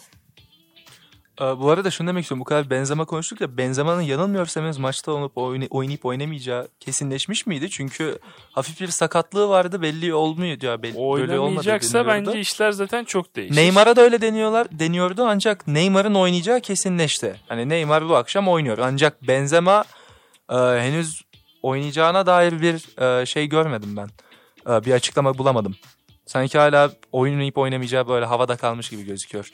Ve senin maçın beraberlikle biteceği sonuçlan beraberlikle sonuçlanacağına yönelik yorumuna dair de şey demek istiyorum. Beraberlikle sonuçlanabilir. Ancak bence bu oyun üstünlüğüyle ya da Saint Germain'in oynadığı oyunla olmaz o beraberlik golü. Bence o Neymar, Mbappe ve Messi'ye birinin topu verip abi al oyna at demesinden ve o üç oyuncunun tamamen kişisel yeteneği ve hani futbolculuk büyüklüğünden kaynaklanacağını düşünüyorum. İşte Pochettino'nun Şey harfin ne yaparsa oldu? yapsın yaranamayacak olmasının sebebi de bu. Bu takım kazanınca işte ileridekilerde bir şeyler yaptı oluyordu. Bu takım kaybedince de hiç Messi eleştirilmiyor. Hiç Neymar Mbappe eleştirilmiyor. Ya bu nasıl hoca oluyordu? Ee, sezon sonu bir United'a gelsin görüşelim. Abi ben ona katılmıyorum. Çünkü ben Saint Germain izleyebildiğim kadar maçını izliyorum gerçekten bu sezon ve ben hemen hemen hiçbir maçta öyle üstün bir maç o hiçbir üstün bir top oynadıklarını görmedim. Aynen işte bunun sebebi de ileri üçlü. Ha o, o olabilir. O olabilir. Şimdi Pochettino Hüminson pres yapıyordu baba. Hüminson savunmaya dönüyordu. Kane o kadar çalışkan değil ama bir şeyler yapıyordu. Ya Messi'yi çev- dön, getir bakayım. Bir savunma Arjantin görevi ver. Milli ver. sendromu yaşadıklarını düşünüyorum ben. Abi yani. Üç tane iyi santrofa öne atalım. Orta sahada bunları yakalayacak bir adam olmasın. Şimdi bu adam birini kesse daha çok eleştirilecek. Kesmese bu sefer istediği oyunu oynatamıyor. Ya yok abi bu işin çözümü yok bak. Bir daha abi hangisini keseceksin? Hangisini kesecek? Asla istemeyeceğim bir görev bak. Yani Paris Saint Germain teknik direktörlüğü. Bu takım bütün maçlarını kazanıp Şampiyonlar Ligi şampiyonu olsun. Şu son 16 turundan itibaren kimse Pochettino falan konuşmaz. Herkes keçe emojileriyle Messi paylaşır, Neymar paylaşır. Ee, bu takım Real Madrid'e elensin. Hiç Messi falan konu. Messi biraz konuşulur. Ee, ama asıl Pochettino eleştirilir. Muhtemelen görevine son verilir. Ben çok adil olduğunu düşünmüyorum. Yani ya burada abi şöyle de bir şey var yani. Messi geldiğinde Pochettino bu takımın başında mıydı? Öyle. Başındaydı. Senin sağ kenarda kullanabileceğin bir Dimarian var mıydı? Abi var na- adam şey mi diyecek? Almayacaksın abi. O zaman istifa edeceksin. Ya dediğinde doğru. Messi var, masada şey var yani Pjanic masadaysa alırsın. Öyle. Messi de öyle. Pjanic'i aldın. Messi abi yani. Şimdi Messi şöyle- hangi- herhangi masada varsa alırsın. Meze olarak falan bile alırsın. Ha, aldın ama işte bak bakalım Don Carlo akşam gösterecek şimdi sana Messi'yi. Abi yani Arjantin milli takımında da Messi var ama bence Arjantin milli takımında Messi'nin oluşu Dybala'yı, Agüero'yu, ne bileyim Di Maria'yı hepsini etkiliyor. Çünkü Messi varsa Messi'ye göre bir futbol oynarsın. Ve kabul etmek gerekiyor ki Messi'ye dayalı pas oyunu 2014'te Almanya'nın gegenpresiyle beraber sonlandı. Ya bunu bir kabul etmemiz Copa gerekiyor. Amerika'ya aldı adamlar bu sezon. Abi Di Copa Maria bu arada bayağı iyi oynuyor Arjantin'de. Evet ay, bak şimdi şöyle bir şey var. Ee, Copa Amerika'nın iki yılda bir olmasının sebebi Messi emekli olmadan Messi'ye bir kulüpler bir kulüp bir kupası kazandıralım. Dünya kupası Dünya kupası alamıyor. Buna bari bir Copa Amerika alalım dedi, aldıralım Peki dediler. Copa Amerika mıdır? Ziraat Türkiye Kupası mıdır? Zira Türkiye Kupası Şampiyonlar Ligi'nden daha zor bir açıklaması vardı Aykut Hoca'nın. Hatırlar Doğru. mısın? E, doğru. Aykut Hocam dediyse doğrudur. Doğrudur. Aykut o da Aykut Hocam'a yazar zaten. Yani bu arada e, Copa Amerika finali benim son yıllarda izlediğim en güzel maçlardan biriydi. Ben Copa Amerika maçlarını izlemeyi çok severim. Tam bir futbol yani kaos var, yetenek var, tekme tokat her şey var. Yani çok iyidir ama finalde yani e, şunu hatırlıyorum. Finalde Messi'ye yine bir tane boş kale kaldı. Yine kalecinin üstüne vurdu. Üç kere mi kaybetti Copa Amerika finali? Herhalde üç kere kaybetti. Bir Şili hatırlıyorum. Bir Uruguay hatırlıyorum. Onu kaybetti. Şili'ye. Ondan sonra 2016'da Şili'ye karşı kaybetti de ondan sonra diğerini hatırlayamadım ben de. Uru- bir, bir Uruguay'a bir kaybetti. Ben onu net hatırlıyorum. 12'de ya da 11'de Benim hatırladığım olabilir. iki kere kaybetti İki Uruguay defa ama kaybe- iki defa emin değilim ondan. 12 ya da 11'de bir defa Uruguay'a kaybetti. 11'deydi yanılmıyorsam o Copa. işte Muslera alıp gelmedim abi Galatasaray'a. Evet evet. Doğru evet evet 2011'de o yanılmıyorsam. Neyse. İki eşleşmemiz daha var. Inter, Bir, Liverpool. bir şey yapalım önce. Ee, Salzburg, Bayern Münih. Salzburg Bayern Münih hakkında konuşalım. Bence Salzburg'un sahaya çıkacağı 11 gerçekten çok önemli ve hani maçın kaderini etkileyeceğini düşünüyorum. Ya. Eğer Bayern Münih'te Lewandowski'ye yani güzel bir şekilde besleyemezlerse orada Koman'la Sané ile falan pas bağlantısını kuramazlarsa gerçekten sıkıntı bir eşleşme olacağını düşünüyorum Bayern Münih adına ama artık kolpayı kesebiliriz.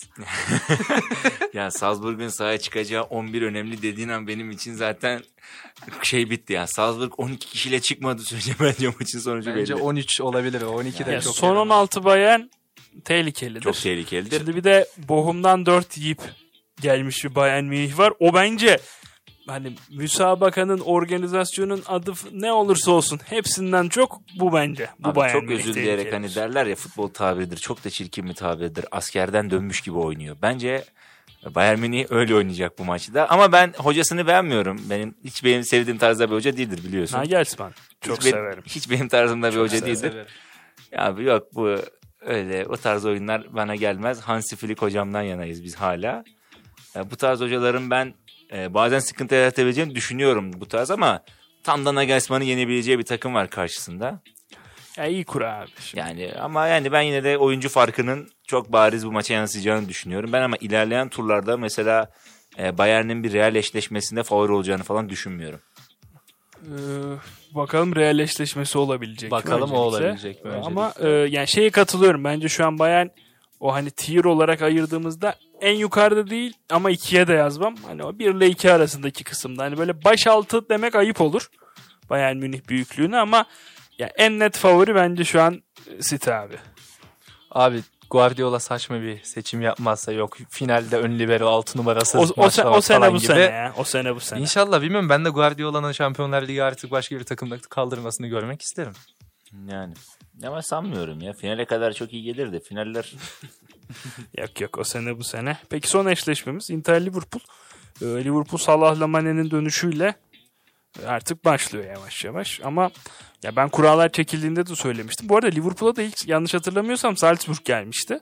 Sonrasında Inter geldi. Ya Inter orta bir kura bence. Ne iyi ne kötü ama ya Inter'in ligdeki performansı da malum. Ben Inzaghi'yi de çok beğeniyorum. Hani Conte'den sonra böyle bir takım devralıp bu istikrarı korumak hatta belki bazı konularda üzerine de koymak gerçekten zor bir iş. Ee, ki işte kayıpları da oldu. Transferleri de oldu ama yani Lukaku abi. Yani. Ee, Lukaku'nun Lukaku. kaybını bence kompanse etmek çok büyük bir iş. Ee, ve gayet de iyi futbol oynuyor bence Inter. Ben e, Liverpool'a sıkıntı çıkarabilecek bir takım olduğunu düşünüyorum Inter'in. Yani kağıt üstünde hala favori Liverpool'dur. Ben Klopp'un da Şampiyonlar Ligi konusunda oldukça iştahlı olduğunu düşünüyorum. Yani Liverpool'un başında kazanmış olmasına rağmen. Ki hani ligde bu sene biraz artık gitti gibi bence. Hala iddiası sürse de Liverpool'un yani City bence şu an net favori ligde. Yani herkes öyledir zaten. Ee, bence sıkıntılı bir eşleşme. Bence keyifli de bir eşleşme bu arada. Ya bence futbol anlamında taktik severlerin, senin gibi taktik severlerin en çok keyif alacağı maçlardan biri. Ama hani ben iki takımın da oynanışına baktığımda Liverpool'un biraz hahu futboluna daha yatkın olacağını düşünüyorum bu oyunda. Hahu futbol derken hani biraz daha hücum odaklı yani önde baskı futbolu tipik gegenpress özelinde. Ben orta saha üçlüsünü çok merak ediyorum. Liverpool'un özellikle de şimdi yarın Inter deplasmanında. Evet. Ya ben Inter maçında şimdi bir kere e, Inter'in ligde lider olduğu bir gerçek. Yani ligin şu anda Juventus'un, Milan'ın, Napoli'nin hepsinin önünde. Ki tam bir koparacak gibiydi. Milan maçıyla her şey döndü. Yani tatsız puan Koparacak gibiydi. Milan değil Giroud engel oldu. Doğru. Ya orada bir oyuncu performansı var bireysel. Bir selam duralım mı krala? Duralım ya. Çok büyüktür. Yani Süper Lig'e gelse 25 gol yazabilecek. Çok büyüktür Gözüm ki, kapalı. ki yani mevzusu da gol olan bir oyuncu değil. Aslında hiç senin kalemin oyuncu değildir Hiç değil ama ben Türkiye Ligi'ne çok yakıştırıyorum. Bak Türkiye Ligi'nde oyun içi katkısını yapar. Bir de üstüne 20 tane bence 25'i bilmiyorum da bir 20 tane sıkıştırır. ya Yok, gerçekten. 25 zor. atabileceğini 25 atar. düşünüyorum. Ya acayip ben bu arada yani bir de Berhan'da falan varken o kadar çok istiyordum ki yani. Yanına iyi bir tane 10 numara ver ona böyle son gol Sekiz pasını buçuk. verebilecek. 8.5 10 numara ver böyle gol On pası numara verebilecek. demiyoruz. Vallahi Sekiz 25 buçuk. atar. 8.5. Öyle bir olduğunda ben gerçekten hani sen de diyorsan hiç benim tarzım oyuncu değil ben izlerken diyordum hatta Arsenal'de izlerken diyordum ki ya bu adam 34'ünde Fenerbahçe'ye Galatasaray'a düşse çok acayip işler yapar dedim 34'ünde Milan'a düştü Öyle, hala orada işler hala yapar. da yani sezonun en kritik maçını kazandırdı. Maç aldı abi bak Ve maç gol, almak. gol çok güzel ya. Abu Bakar'a da buradan selam yapalım. Aynen. Onun golüne benzer bir gol atmıştı. O, o, o golü de ben statta izlemiştim. Çok canım yanmıştı. evet. Evet. Can yakar Abu Bakar abimiz. Bir şarkı arası daha verelim isterseniz. Ee, Aralı'da baş başayız yayının kalanında. Enes'e de çok teşekkür ederiz. Ee, NBA takas dönemi sona erdi. Trade deadline takaslarını konuşacağız. Sabonis takası yine trade deadline'dan bir hafta önce falandı. İşte Harden Simmons vesaire. Gideceğiz kısa kısa programımızın son kısmında diyelim. Tek şarkılık bir ara ardından yeniden birlikteyiz. Tiebreak devam ediyor.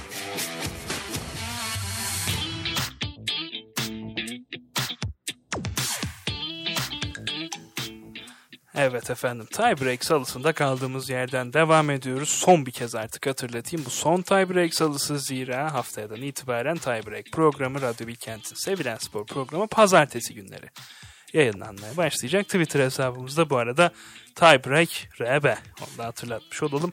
Programımızın son kısmında NBA'deki takasları konuşacağız demiştik. Çok takas var. Kısa kısa gideceğiz. Birer ikişer dakika ayırarak.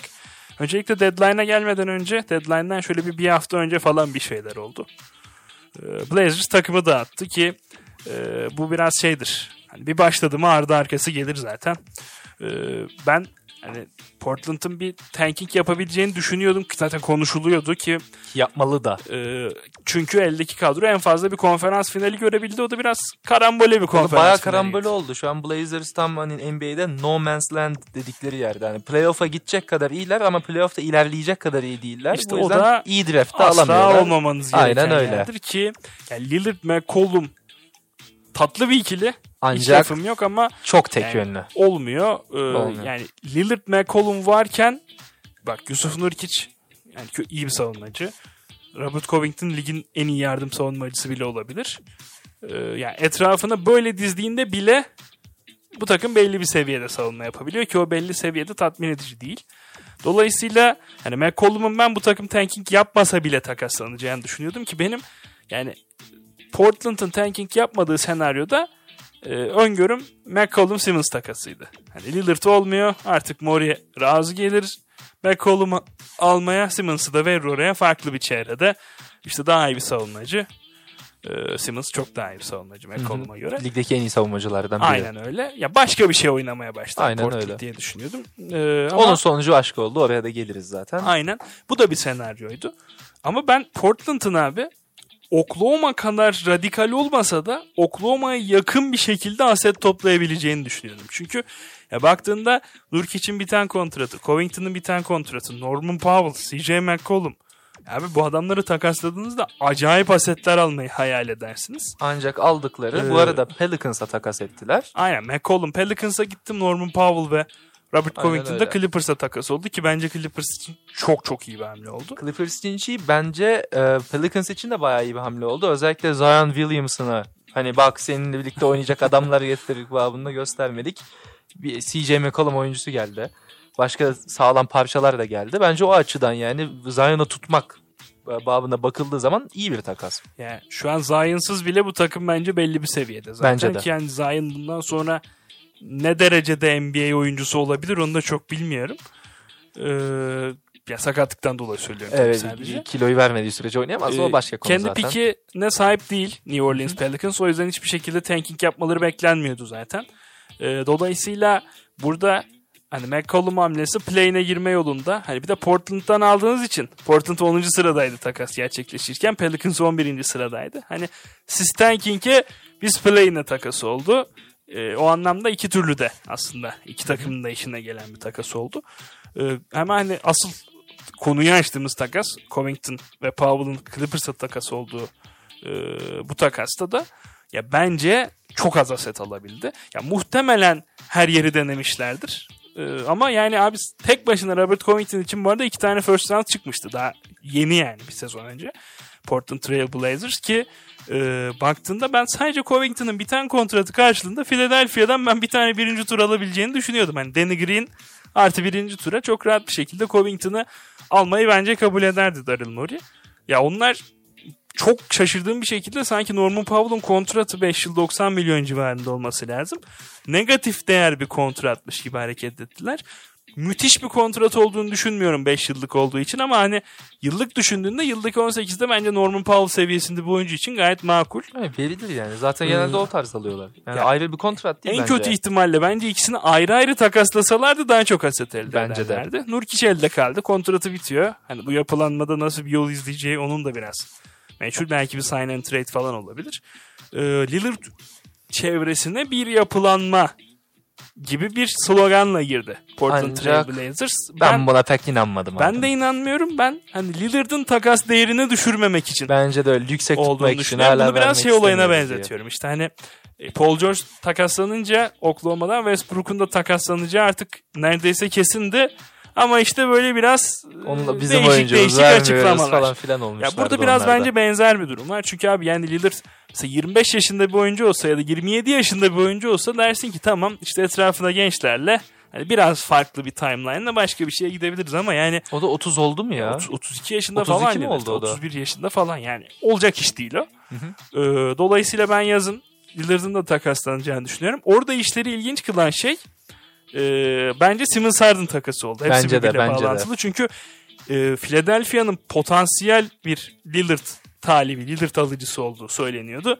Şu an onlar Harden takasıyla birlikte aradan çekilmiş olunca bence denklemler çok karışacak. Ben Lillard'ın hangi takıma gideceğini çok merak ediyorum ama Ben bence de merak ediyorum. bak hepsini ucuza dağıttılar bence. Ama ben Lillard'ı ucuza vereceklerini düşünüyorum. Bence Lillard'ı ucuza vermeyecekler de bence bütün hani bu takaslara da bakacak olursak bütün o hani tanking planlarını, bütün o hani rebuild planlarını birazcık Lillard takasına bırakmışlar gibi gözüküyor. Orada adam akıllı bir oyuncu bir pick falan almadıkları sürece de verecekler gibi gelmiyor. Yani öyle gözüküyor. Nurkic de bence dediğim gibi yani sezon sonu takımdan ayrılacak. Burada işte Anthony Simons'ın e, çıkışı çok çok değerli. İşte Nazir Little talihsiz bir sakatlık geçirdi ama hani bu yapılanmanın bir parçası olacaktır mutlaka. İşte çeşitli draft hakları var. Yani ne olursa olsun temelde teoride doğru bir karar bence tanking'e dönmesi bu takımın ama e, kesinlikle çok az aset aldıklarını düşünüyorum ben. E, yani bedavaya gitti oyuncular. Batan geminin malları misali. E, Cleveland bir takas yaptı. Ricky Rubio'nun iki sezonu kapattı zaten. Hani onu saymak bile yanlış olur. Ricky Rubio'nun bir tane kontratıyla birlikte üstüne pikler ekleyerek Karis Lever'e gitti Cleveland. E, bu olmasaydı da bence Eric Gordon olacaktı. E, Karis Lever'ın da ben şu an Cleveland'ın tüm eksiklerine doğrudan yanıt verebileceğini düşünmüyorum. Ama e, masadaki opsiyonlar düşünüldüğünde de fena bir tercih değil bence. E, en azından hani eh, işte elit olmasa da vasatın üstünde bir top yönlendirici. Orada Garland'a biraz destek olabilir. E zaten iyi bir skorer. Yani Karis de var en iyi yaptığı şey. Yani bu playoff yolunda ben Cleveland için iyi bir takası olduğunu düşünüyorum. E, Yani iyi bir parça yani kesinlikle. ama yani hani Rubio'nun işte zaten sakatlanmıştı ve hani kontratın sonu olduğu için. Yaşı da Belli yüksek Rubio'nun ya. Yaşlı Yani bir oyuncu. çok aşırı değil ama Çok yani. aşırı değil Evet. ama Lavero kıyasla. Yani Rubio'nun bu takıma kattığı şeyler yani ki yani ben bir Cleveland taraftarı falan değilim. Beni çok mutlu ediyordu. Çok özel bir birliktelikti bence. E, Hatta ya ben mesela Houston Rockets'a Ricky Rubio'ya çok isterdim. E, Yani çünkü bir şampiyonluk hedefiniz olmasa bile ki Houston elinde çok çok ciddi asetler olmadan ama boşta değil tabii ki işte Jalen Green, Kevin Porter ile. Alperen Şengün. Alperen ile. Ee, ama mesela Rubio'nun öyle bir yani bizim Houston Rockets'ta e, bir oyun kurucu eksikliği, bir organizatör eksikliği de olduğu düşünüldüğünde hem sağ içi hem sağ dışı çok iyi bir hani tırnak içinde Türkiye'de severiz bu e, kelimeyi abilik edebileceğini düşünüyordum gerçekten. E, Karis Levert bence iyi bir ekleme oldu. Cleveland hiçbir şekilde kadro kalitesi olarak bir de yokken zaten doğudaki şampiyonluk adaylarının seviyesine çıkamaz ama o sürpriz ihtimaline canlı tutmak isteyeceklerdir. O doğrultuda da bence iyi bir takas oldu. Onun dışında e, istersen bir Halliburton Sabonis takasını konuşalım. Halliburton bence de onu konuşalım bir. Ee, Sacramento Kings e, yani NBA liginde şöyle bir algı vardır. Sacramento Kings açık ara ligdeki en kötü yönetilen ve en şanssız ve aynı zamanda gerçekten en kötü takımdır Bayağı diye. da playoff yapamıyorlar. Ve zaten. 2004'te mi ya 2006'da yanılmıyorsam en son playoff'a gittiler. Ee, ligde açık ara en uzun süre playoff'a gidemeyen takım ve hani bu yolda çok kararlı gözüküyorlar. Çünkü takımlarındaki en hani en potansiyelli ve aynı zamanda en büyük çıkış yapmış oyuncu Tyrese Halliburton'ı hemen hemen yani değeri karşısında hiçbir şeye takas ettiler. Yani şöyle- Ki bu bu arada Sabonis'i herhangi bir şekilde aşağılamak için değil Halliburton'ın değerini hani sadece vurgulamak istiyorum burada. Sabonis bence çok doğru bir oyuncu. Sacramento kalibresinde bir takım için. Ee, çok doğru bir tercih. Ben zaten hani Sabonis'in en potansiyel alıcısının Sacramento olduğunu düşünüyordum ama ya Halliburton'un masaya konacağını hiç tahmin etmiyordum. Ben de hani Fox eksenli bir şey bekliyordum işin açıkçası. Hatta hani ben şeyi bile düşünüyordum abi. Ya Fox Halliburton bozmadan işte Harrison Barnes, Marvin Bagley işte piklerle hı. Evet, falan evet, evet. O, o şekilde de bitebileceğini düşünüyordum. Ee, ki zaten hani Indiana cephesinden gelen açıklama da aslında off the record. Ee, hani Halliburton'u biz zaten beklemiyorduk. Hatta ligin yanılmıyorsam ligde hiçbir takım Halliburton'u Evet, beklemiyordu. evet, yani Elvin gerçekten- Wojnarowski'nin de açıkladığına göre zaten hani trade yapıldıktan sonra takas yapıldıktan sonra genel olarak ligde bir şaşkınlık havası hakim olmuş. Aynen Çünkü öyle ki çok da çok da normal. haklı. Çünkü ligdeki hani genel olarak algı şuymuş. Tyrese Halliburton'a değeri o kadar yüksek yani biz bunu takas etmeye çalışmayalım bile çünkü zaten dokunulmazdır diye düşünüyorlarmış. Ve bir an böyle vasat bir takasla hani oyuncunun e, ligdeki algılanan değerine karşı vasat bir takas olduğu zaman herkes tabii şoke olmuş durumda. Kesinlikle. Harrison Barnes'la takaslamadı bu arada Sacramento ki se- serbest kalıyor. Marvin. Bagley'i de yanılmıyorsam onu, takaslamadı. onu takasladı. Onu takaslamış mıydı? Aha. Ha doğru. Ee, Tyrese Halliburton bence Sacramento'nun son yıllarda yaptığı bak en doğru işti demiyorum tek doğru işti. Bence de Ki tek doğru orada işte. da biraz kucağına düştü aslında. Bayağı. Yani, yani 7. sıradan falan seçilmesi beklenen bir oyuncuydu Halliburton ki bence de aşağı yukarı yeri orasıydı. Ee, 11. sıraya kadar düştü. Gerçekten hani kaldı Sacramento'ya. Sacramento seçmedi ki Halliburton'un da Sacramento'da oynamak istediği de konuşuluyordu. Aynen öyle. Ben de şunu demek istiyorum. Bu takas hakkında ben son iki şey söylemek istiyorum. Öncelikle e, Kings aynı zamanda Pacers'a Buddy Hield'ı da gönderdi. Ya Buddy Hield Sacramento'nun çok istediği bir kontrat değildi ama hani mesela Ivy Halliburton'un yanında bence İşte abi sene başında Westbrook Westbrook takası yerine olmasaydı evet, işte bu Kuzmalı, Harrell'lı, KCP'li paketi Hield karşılığında Sacramento alacaktı. ki Los Angeles'a an, da çok daha yakışmış olurdu. e, aynen öyle bak. Lakers için de daha iyi olurdu.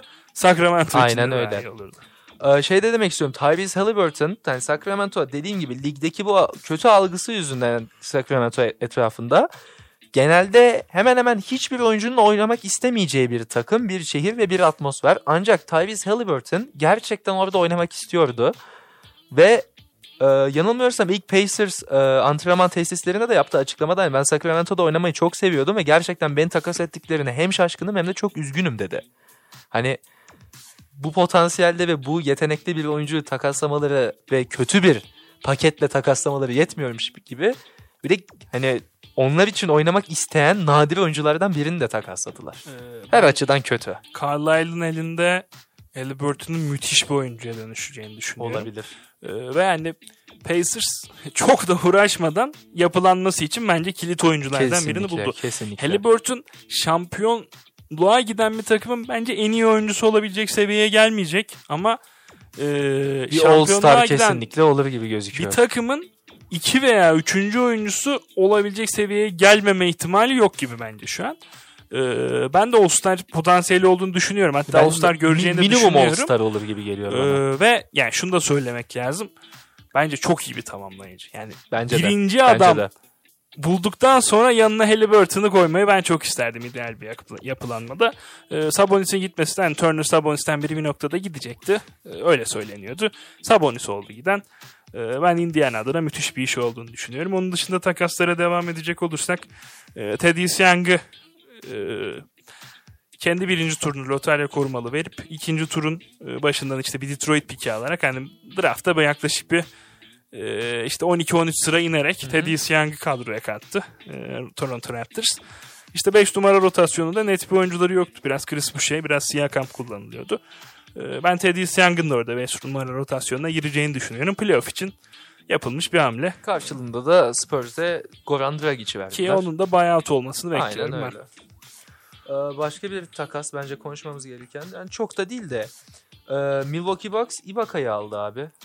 Dört takımlı Evet 4 takımlı bir takas trade'den. oldu. Bence Bucks için şampiyonluk yolunda iyi bir parça. Hani Ibaka zaten hani bilindik bir isim tabii yaşı gereği de hani Ama bir- 2019'da Toronto'ya yaptığı Yani katkıyı şey- sağlamayacak. Ama Ibaka bence 50 yaşında falan abi. Ibaka gerçekten 50 yaşında o. Bilebiliyorsun o Afrikalı oyuncuların Ha, ya gerçekten belli yaş şeyi var. Ha, yani 40'ın Ancak- üstünde olduğu bence, Bence, bence de kesin yani. üstündedir ama e, iyi bir parça olacağını düşünüyorum yedekten özellikle savunma anlamında. Ee, ben Orta DiVincenzo'dan bu kadar kolay vazgeçeceklerini beklemiyordum.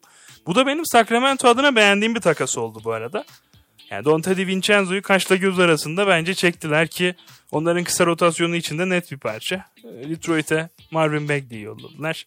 İşte bu takas sonucunda Clippers işte Rodney Hood ve Ojele'yi aldı. Ibaka da e, Milwaukee'ye gitti. Ibaka da yani Brook Lopez'in denklem dışı kaldığı bir senaryoda e, bence A planı olmayacak Max için hiçbir zaman ama playoff'ta tecrübesiyle bir şeyler katacağını Kesinlikle düşünüyorum. Öyle ben. yedekten iyi bir savunma, iyi bir e, özellikle çember etrafında bir varlık sağlayacağını düşünüyorum. E, Daniel Tice Boston'a döndü. Karşılığında da Dennis Schroeder, Bruno Fernando ve serbest kalan bir oyuncu Aynen öyle. kadroya katıldı. E, Dennis Schroeder yani muhtemelen sezon sonunda Rockets'ta devam etmeyecek. Ya ben Rockets timeline'da çok uygun bir oyuncu olduğunu düşünmüyorum. Ama mesela bir yapılanmada bence fena bir 6. adam olmayabilir diye düşünüyorum Deniz Schroeder. Ben Schroeder'in hani bu takas karşılığında Houston'a geleceğini duyduğumda acaba bir son anda bir şu takımda takasa döner mi? Hani bir contender'a Schroeder'i yollayıp oradan bir genç oyuncu veya bir pik çeker mi? Houston diye düşünüyordum. Mesela Taylor Norton Tucker'ı çekip Schroeder'i Lakers'ta yollayabileceği geliyordu benim aklıma ama olmadı. Ee, bekleyip göreceğiz. Ben Daniel Tyson'da e, temiz güvenilir liman olduğunu düşünüyorum Boston için. Zaten alışık oldukları bir oyuncu. Onun dışında Derek White takası e, bence çok kritik bir takas oldu. E, Derek White da bence Boston'ın kısa rotasyonu için Schroeder'in gidişinde müthiş bir ekleme. E, ben ligin hak ettiği değeri görmeyen oyuncularından biri olduğunu düşünüyorum. Ve gelelim asıl iki takasa. Öncelikle Dallas Mavericks e, tek boynuzlu at Kristaps Porzingis deneyinden bir anda vazgeçti artık. Ve bence Kristaps Porzingis'in e, takas olmasındansa ne için takas olduğu çok şey anlatıyor. Olabilecek en kötü senaryo diyorum ben. Olabilecek en kötü senaryo olabilir ama bence öncelikle kim için takas olduğunu söyleyelim. Ee, Dallas Mavericks, Kristaps Porzingis'i e, karşılığında Spencer Dinwiddie ve Davis Bertans aldı Washington Wizards'tan ve bunun yanında Kristaps Porzingis yanında aynı zamanda ikinci rounddan bir pick de verdi. Rezalet abi. Rezalet gerçekten ama ben hani Kings'in aksine gerçekten alabilecekleri en iyi paketin bu olduğunu düşünüyorum ve bu da bence Kristaps Porzingis'in ligdeki ne kadar düşük bir değeri olduğunu gösteriyor. Ben kesinlikle daha iyi bir paket alabileceklerini düşünüyorum. Yani çünkü bundan daha kötü olamaz. Yani bundan daha kötüsü Westbrook veya Wall kontratını almaktır. Çünkü Dinwiddie rezalet ötesi bir sezon geçiriyor. Zaten Dinwiddie'nin aldığı süreyi Jalen Brunson'ın aldığı senaryoda Dallas'ın hiçbir kaybı olmayacak. Bence çok kötü bekleme Dinwiddie. Yani bir şeyler verir. Sıfır noktasında olmaz katkısı ama hani Brunson'dan alıp vereceği için çok yukarı çekeceğini düşünmüyorum ben Mavericks. Ben ha, pardon seni kesmedim. Onun dışında Davis Bertans zaten ligin en kötü kontratlarından biri. Ya ben Davis Bertans'ı yollayabilmek için Washington'ın üstüne first round falan vereceğini düşünüyordum. Başka türlü gidebileceğine inanmıyordum. Gerçekten rezalet bir kontrat. Abi ya Porzingis'in iyi bir kontrat olduğunu düşünmüyorum bu arada. Hani 3 yıl işte garanti 100 milyon dolara yakın bir kontrat var ama ya bak Porzingis takaslanmalıydı. Kesinlikle katılıyorum. Çok yüksek bir paket beklentim de yoktu benim Dallas adına.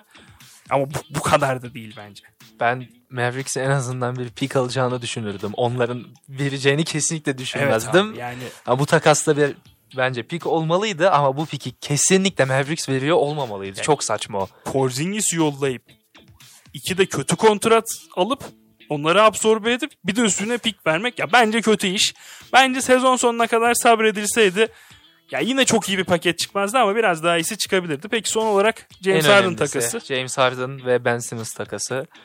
Abi bu çoğu insanın şey dediğini duydum ben. İki takımı da kesinlikle güçlendirecek bir takas oldu. Güçlendiren bir takas olduğunu. İki takımın da güçlendirdiğini düşünmüyorum. Harden kaybediyorsanız bence biraz zayıflarsınız. Ama iki takım için de iyi bir takas olduğunu düşünüyorum ben. Ben iki takımı da gerçekten güçlendireceğini düşünüyorum. İki oyuncu için de ihtiyaç duydukları şeyin bu olabileceğini O kesin. düşünüyorum. O kesin bence. Ay, oyuncu babında bence mükemmel bir takas. Gerçekten harika bir takas. Ee, takım olaraksa ya işleri gerçekten çok değişiyor. Benim sadece çok merak ettiğim bir şey var. James Harden şu ana kadar olduğu hiçbir takımda takım arkadaşlarıyla falan tam olarak bir geçinemedi. Hep bir sıkıntı çıktı. Ve aynı zamanda James Harden etrafında da playoff zamanı bir böyle hani choke etme olayı vardır biliyorsun sen de. Ee, şimdi Joel Embiid, James Harden ve Doc Rivers bir takımda. Hani hem Abi- drama hem de playofflarda Doug Rivers, James Harden ikilisi beni çok yükseltmiyor. Buraya acil bir Harden'dan optimum verimi alabilecek bir Mike D'Antoni zaten Daryl Morey'le Ee, orada getirip- e, resmi Ya. görmüş olabilir. bir Houston'da olarak Harden'la Murray'nin buluşmasından çok memnunum. Ee, Doug Rivers beni biraz korkutuyor. Harden'ın Embiid'in yanına gitmesinden de ben memnunum. Bence iyi bir ikili olacaklar. Yani Harden biraz, Anlaşabilirlerse bence de iyi Harden bir biraz ikili devrilen olacaklar. uzun seviyor. Evet Ama- Joel Embiid çok o değil. Ee, Harden gerektiğinde de nabza göre şerbet uygulayabilen bir oyuncu. Hani Houston'da bütün sistem üzerine kurulmuştu vesaire ama mesela Brooklyn'de de farklı bir rolde yine geçen sezon için konuşuyorum. Verimli bir Harden gördük. Bu sezon biraz daha işte çok kötü girdi sezona. Sonrasında sakatlıkları oldu vesaire. Bu sezon çok iyi değildi. Karşılığında da yani Ben Simmons oynamadığı için bir kere Philadelphia çok güçlenmiş oldu. Kesinlikle. İşte oynamayan oyuncu Evet. verip işte yani Seth Curry ve Drummond bence kritik kayıplar ama özellikle Bence Seth de Curry- onlar önemli kayıplar ve e, önemli kayıp olmalarından çok Brooklyn Nets için önemli hani kazançlar. Abi Brooklyn Nets'in 3 tane sorununu çözmüş oldu. Üstüne de Gerçekten öyle. oldu. Gerçekten öyle. Ee, bu takası bence daha detaylı konuşuruz Harden oynamaya başladıktan Bence sonra. de, Çünkü bu, se- bu takas bu sezonun kalanının gündemini belirleyebilecek bir takas. Özellikle bence playoff'ları. Bir Brooklyn Philadelphia eşleşmesi playoff'larda olur. Sezonun tadından yenmez. olur. Ee, dilersen e, gelecek haftalarda da bir tane şey yapalım. Böyle takımları tier'lara ayırıp şey geriye bakarak mı takasları? Ee, evet, Aynen. şampiyonluk adayı takımlara bakalım. İşte Güzel baş olur. altı takımlar diye biraz böyle bir ayırabiliriz. Ee, diyelim bu haftalık tiebreak'in sonuna gelelim. Haftaya pazartesi. Bunu tekrar hatırlatıyorum. Pazartesi Bundan sonra günü. pazartesi tiebreak'te birlikte olmak üzere herkese çok güzel bir hafta diliyoruz. Sağlıklı kalın. Hoşçakalın.